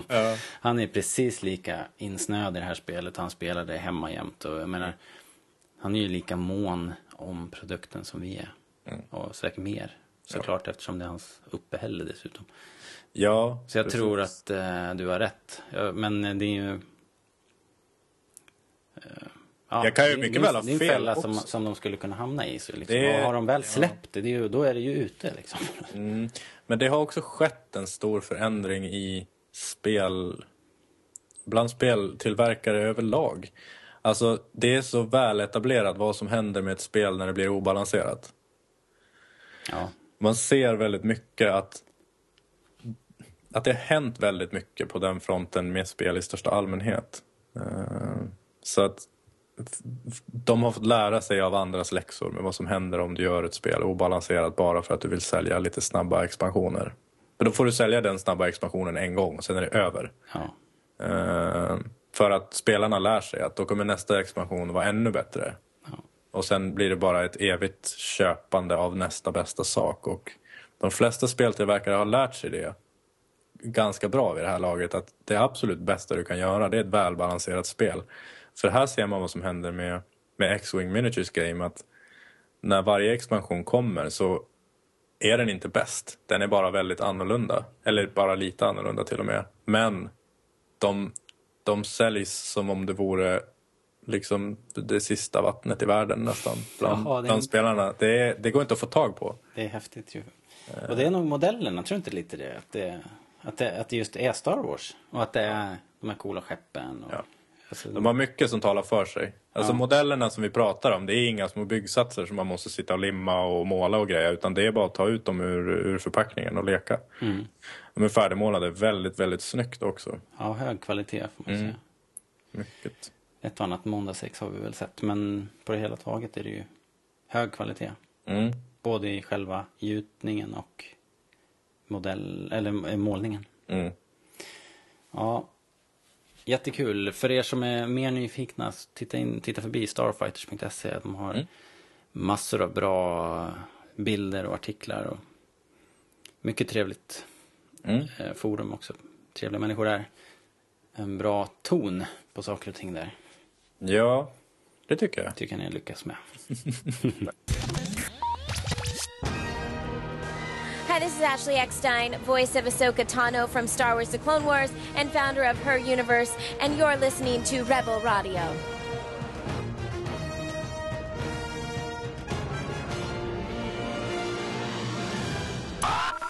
All right. Eh, ska vi prata om X-Wing i serieform kanske? Vi har en liten samrecension här på något sätt. Ja, du har ju, eh, du har ju kommit i fatt. Eh, Jaha, har jag det? Eller vad säger man? Jag har ju bara läst den första Omnibus-samlingen då. X-Wing Rogue Squadron, Omnibus volym 1. Ja. Den kom 2006. Mm. Och eh, om jag ska ta den hårda faktan här så samlar det då serier som heter X-Wing Rogue Leader från 2005. Och sen en äldre serie, X-Wing Rogue Squadron. Eh, fyra delar som kom 95. Mm. Och en trade paperback, alltså en lite tjockare samling i sig. Eh, så den har varit samlad då på 97. Eh, och sen så är det också en handbok intryckt i den här omnibussen. Mm. Det är en ganska gedigen samling. Ja, eh, 250 sidor kanske. Mm. Drygt. Ehm, ja, Vad tycker du då? Den är bra. Eh, Ja. om man ska gå direkt på betyget, det kanske är osmart. Alltså, vi, det, det börjar ju då med den här som heter Rogue Leader. Den, den är ju gjord 2005. Ja. Som en liten prequel till ja, det är lite eh, lurigt det där. 95. Ja, för att stilen den är ju modern då. Mm. Snygg. Tecknad av en kille som heter Thomas Giorello. Eh, Skrivet av Hayden Blackman. Som jag kanske, det, det är nog den här delens eh, svaga punkt. Jag tycker inte om hans dialog och sådär. Den är alldeles för på näsan Mm. i dialogen. Men eh, snyggt är det. Mm. Ehm, Det är också lite lurigt. Alltså för jag eh, försöker ju tjata på folk att läsa den här. Lite grann. Jag vet det, ja. Av någon Men det är väl, ja men är inte det för att, eh, av samma anledning eh, som jag blev sugen nu, är ju för att där, här presenteras ju piloter som sen är i det här spelet som vi älskar. Mm. Ja. Det hänger ihop med det. Det gör det väldigt mycket. Eh, och genomgående, för tillbaka till spelet igen. En, en, en, en stor och viktig sak det är att alla karaktärer som man känner igen har en funktion i spelet som passar väldigt bra med hur deras karaktär fungerar i Star Wars. De har lyckats på det lilla Ja. kortet få med personligheten. Det är ju rätt häftigt. Eh, Deras så att den, deras personlighet har liksom en, en spelmässig funktion som, som känns övertygande. Och så är det med, så är det med de här. eh, och, och piloterna man får träffa i X-Wing serietidningarna. Och det är lite lurigt för att den är ju från merparten av, av X-Wing Rogue Squadron serietidningen är ju från 90-talet. Förutom det första man läser. Om man läser eh, eh, Rogue Leader. Som är från 2005. Och jag tror att du kanske upplevde det Oh ja. på samma sätt. Ja. Att det börjar bra och modernt och sen, sen när man är klar med Rogue Leader då, då kom, från 2005 då kommer du in på någonting som är från 1995. Ja, då kastas man rakt in i 90-talet. Och det är inget snack om det. Den heter ju Rebel Opposition. Den, den eh, historien som de har eh, samlat i den här Omnibus. Eh, det finns ju mycket mer vad jag förstår. Men eh, de här Omnibusböckerna går ju till så att de tar liksom de viktiga arken. Eller ja, det kan väl vara de, de som är viktiga eller bra eller på något sätt sticker ut. Eller så är det sådana som inte har samlats förut någonstans och riskerar att försvinna ur tryck och sånt där. Det bakar de in här. Men här i alla fall presenteras ju en massa piloter. Kanske, ja den första där som vi, som vi pratade om. Den från 2005. Det är ju en riktig introduktion. Där verkligen kommer upp så här skyltar med Wedge Antilles Commander. Och, Ja, men så, bru- så brukar de göra i alla nya Tycho, arcs. Selku och West Jansen. Allihopa. Men sen är det lite mer vanligt eh, som man kommer ihåg. eh, Ja, vilken, eh, vilken serie som helst från 90-talet från Marvel eller alltså ser ut som Spindelmannen eller Batman från 95. Så Jag tycker det känns, just de, de absolut, de första fyra, The Rebel Opposition, den tycker jag faktiskt att man kan undvika. Okej, Om jag törs sträcka mig så långt. vad är det du stör dig på då? Den känns så himla förlegad på så himla många sätt. Ja, Eh, Det var som, eh, som... Jag skrev en recension på den här serien på vår hemsida. Och... Eh, eh, då var en, en, jag fick en kommentar om att, att den påminner om, om den tiden då, då, då, då det är ett citat inte finns någonting man inte kan göra med en skinnjacka och sina knytnävar.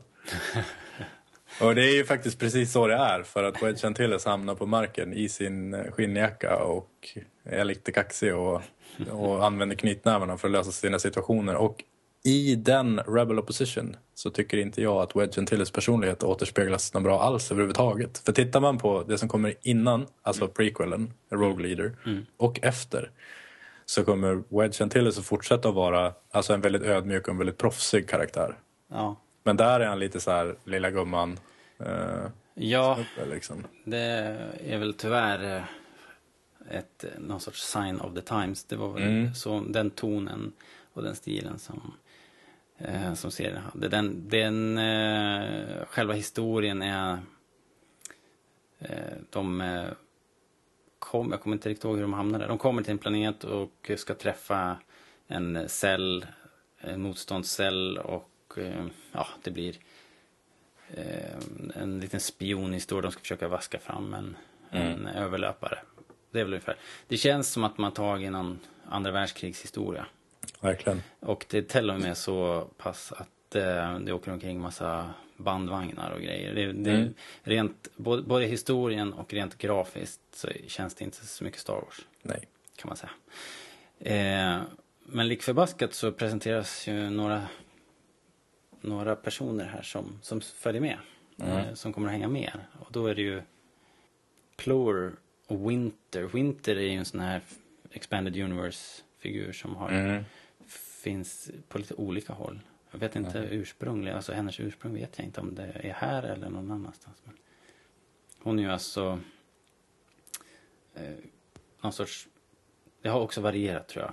Om hon är personlig vän till prinsessan Leia eller hennes aid eller om hon är hemlig agent eller hur det är. Det är liksom, det är lite vilket, vad som passar historien på något sätt. Mm. Eh, Elskol, Loro och en Wookie som heter Groznik. Mm. De där tror jag hänger med framöver va? Mm. Ja, som sagt, historien är inte så det är inte så mycket att snacka om egentligen. Det mesta omslaget är gjort av min favorit Dave Dorman. Det kan man, det kan man titta på. Okej. sen då så avslutas det med den här trade paperbacken som, eh, som kom 97. Den heter The Phantom Affair. Den är skriven av två personer. En Michael A. Stackpole och en Darko McCann. Vilket namn liksom. Darko McCann. en, låter som en äventyrare med hatt. Eh, och sen är det ett helt gäng som har tecknat. Edvin Bjukovic, Gary Erskine, John Nadeau och Jordi Ensign. Från Gotland, antar jag. Eh, det är många kockar här och det märks eh, tyvärr. Eh, det börjar jättebra tycker jag. Mm. St- stilen är bra, maskinerna ser ut som maskiner. X-Wingen har helt rätt linjer. Eh, liksom. det, det är härligt på alla sätt. Jag gillar stilen och framför allt det som, eh, som är hundra gånger bättre här än i den moderna från 2005 som inledde är att personerna har helt naturliga uttryck och eh, ett helt annat flyt i hur de berättar den här historien. Ja, men det känns som riktiga karaktärer med ett övertygande Verkligen. beteende på något vis. Verkligen. Och det är ju här, alltså det är ju med The Phantom Affair som X-Wing Rogue Squadron börjar med sitt sanna jag, eller vad man ska säga. Okej. Den kommer ju att ha toppar och dalar. För det här är alltså efter, eh, efter Omnibus Volume 1 som vi pratar om nu så kommer det ju fler. Och serien fortsätter, den är ganska lång. Eh, och det, det blir, det är liksom här den börjar hitta sig själv. Mm. Som, på det sättet som den kommer fortsätta vara i, i senare. Okej. Så, så du påstår att den kommer att hålla den här kvaliteten alltså? Toppar och dalar. Ja, okej. Men det är här den börjar hitta sig själv. Så att det kommer att vara eh, mera åt det här hållet än, än det som du det som vi nämnde innan med alltså Rogue Leader och, och Rebel Opposition.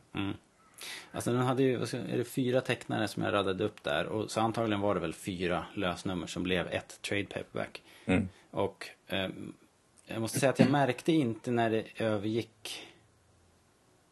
Jag tror att det är nummer tre här. Jag vet inte det här säkert. eh, Men, ehm, men när Nador då, om de har tecknat i den här ordningen. Så när, när de sidorna kommer. Då bara hajar man till. Så här, vad, vad hände här liksom? För att eh, det har sett jättebra ut. Och sen helt plötsligt så, eh, så håller det en helt annan kvalitet. Tyvärr. För jag gillade det verkligen i början. Men då kanske det kommer tillbaks. Jag hoppas det. Eh, jag tyckte det var bra. Samlingen som sådan då, om man skulle betygsätta den, så lite ojämn Väldigt. är den ju. Minst sagt.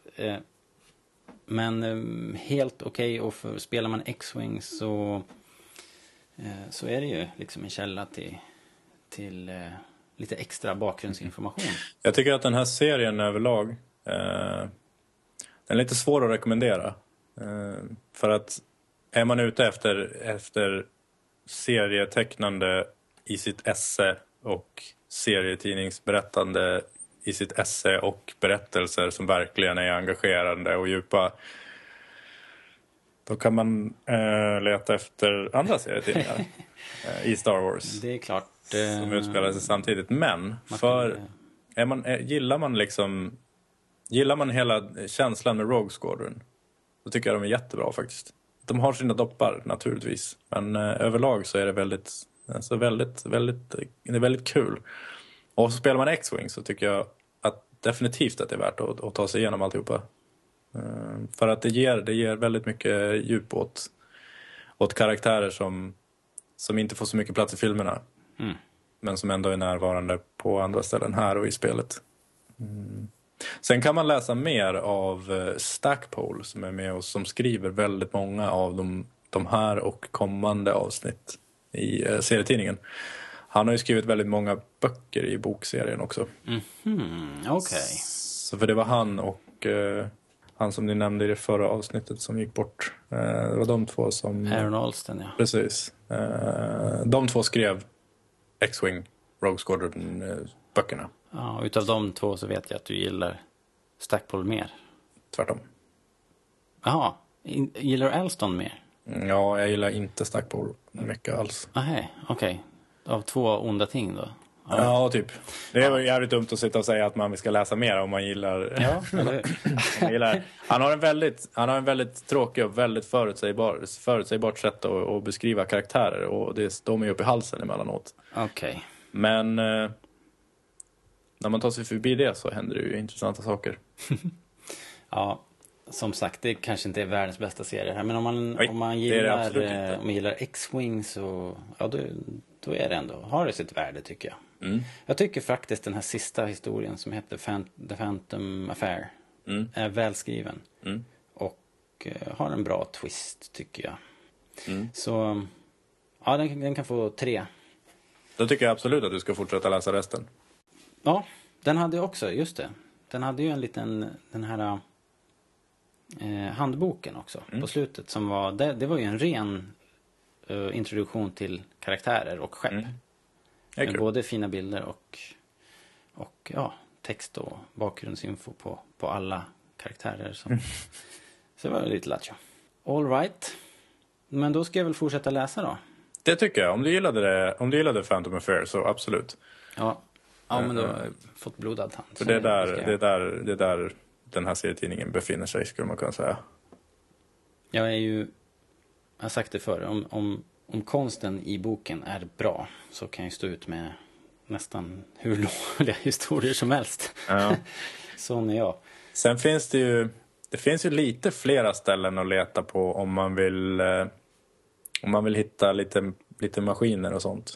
Mhm. Alltså bland annat eh, serietidningens serien som heter Empire. Eh, där får man också följa karaktärer som man känner igen ifrån både filmerna och X-Wing Miniatures Game-spelet och Rogue Squadron-serietidningarna. Och emellanåt så blir det rejält mycket om det. Eh, det finns en ark som handlar om Big Starklighter. Som är en av mina absoluta favoritserier i Star Wars-universumet. Som jag rekommenderar varmt. Jag har skrivit en liten recension på den på en hemsida som jag kan lägga till i show notes. Mm. Så kan man, Härligt. eh, kan man se om man gillar den. Och den här nya serietidningen som heter Star Wars kort och gott. Mm, just det. Eh, den har jag ju slutat läsa. Mm. Eh, av, av randiga och rutiga skäl. Men, eh, men den är ju väldigt snygg. Det får man, Mm. det får man lera. Eh, right. Har du något att tillägga Erik? Något annat du vill eh, berätta för oss? Annars Nej. Vill du veta något? Nej. Eh, jag tänkte nästan föreslå att vi knyter ihop den här säcken. Ja, men eh, ja, jag vill väl tillägga en sak i och för sig. Kolla in på starfighters.se och så finns vi på Facebook och vi pratar väldigt mycket om X-Wing Miniatures Game och vi lär gärna ut spelet och träffar jättegärna nya spelare. Så eh, hör av er för all del. Gör det. Mm. Det är jättetrevligt. Sen är Jag man- vet. Du vet. Jag vet. Av erfarenhet. Mm. All right då. Tack för den här gången då Erik. Tack själv. Och tack allihopa. Tack för att ni lyssnar. Ja. Det är ju otroligt roligt när ni hör av er och skriver på Facebook. ja, det är kul med, kul med mycket engagemang. Mm. Vad det än är för någonting. Ja, det, skriv mer Mm. för guds skull. Och, eh, och så tipsa oss också för den delen. Vi försöker ju dammsuga interwebben. Men eh, det händer ju att någonting smiter förbi våra finmaskiga nät. Så att, eh, det är bara att tipsa på så, så pratar vi gärna om det också. Mm. Ehm, ja, rebellradion.se. eh, den eh, definitiva Star Wars-resursen i Sverige. Det är bara att gå in där och läsa nya roliga saker varje dag. Eh, ni skulle göra oss en tjänst om ni gick in och skrev en review på iTunes. ITunes är fortfarande liksom den största poddkatalogen. Det skadar inte att ligga bra till där på listorna. Nej, det kan få väldigt stora effekter om, Mm. om folk ser den. Ja, det blir lättare att hitta oss helt enkelt. Man behöver inte söka så himla precis och så rätt vad det är ploppar vi upp i någon favoritlista där. Så det, gör det. Skriv en review. Five star review. Eh, och prenumerera via iTunes eller Soundcloud så missar ni ju ingenting här. Eh, vi, eh, vi gör ett par sådana här i månaden och eh, vi vill ju gärna att ni lyssnar och kommenterar. Så. Tack för den här gången.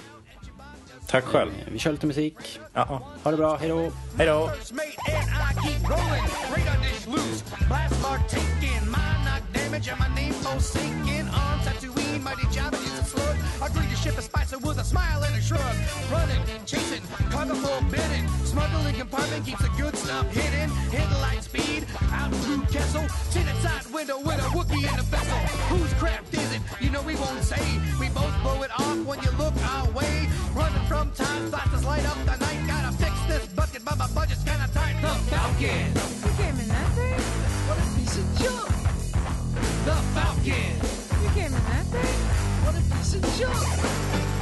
Quad gun nightmare running amok. Two dice on the mirror. Shit out of luck. Blasters blazing. All hell's raising. Don't you know I find myself amazing? Checked out the glitter stem to see if it's clean. Pinched out a sample and now we feel keen. Dropped the sublight and I was betrayed. The Empire set up a blockade. They were sitting out in space, so I dumped my load. Mash the throttle, boom, off we go. Chewie's gunning, I'm out running. Whoever pursues too close gets done in. Finally lost the imps, but that doesn't thrill us. We flew back to Tatooine so Jabba won't kill us. Hit a dark booth, didn't expect some green punk looking for a bounty check. Put my thoughts in reverse and tried to converse. A heavy bounty set by Jabba, he's only the first. Took him out quick, cause Chewie was gone. Yeah, I cleared my debt after Alderaan. Blasted off hard, heading out to deep space. Moving so fast, you might need a neck brace. Mismatched odds, got my crew uptight. Full ties on our tail, star destroyers on the right. Falcon running, shooting amended. Crew on drive yards ought to be commended. A deep space viper, mad tie sniper. Better check your diaper, cause we're jumping off the hyper in the Falcon. She's the fastest looking junk in the galaxy. The Falcon. She's the fastest looking junk in the galaxy. 55 a run stomper. Watch your princess if you don't, I'll whopper. Smuggler runs, asteroid fields, blaster scars, we keep it real. Imps want my ID, but I won't listen. It's a YT freighter modified with munitions. Flying to the best bin, I was concerned. No deception discerned. Spotted my friend who was quite beguiling. Trying to talk slick to the princess smiling. Brother started smoothing out, offered mechanics. Thinking he's a good friend, I didn't panic. I kicked my heels in a pad uptown. Told Leo that she should calm down. Talking that tough space scoundrel dope. 3PO broke. Damn, what's next? Troopers on all decks, tortured half to death by a guy called Fat. Fought a little bit with my friend Lando. He had no choice. That's the story you know. I learned really young that I must be a tough loner on Corellia.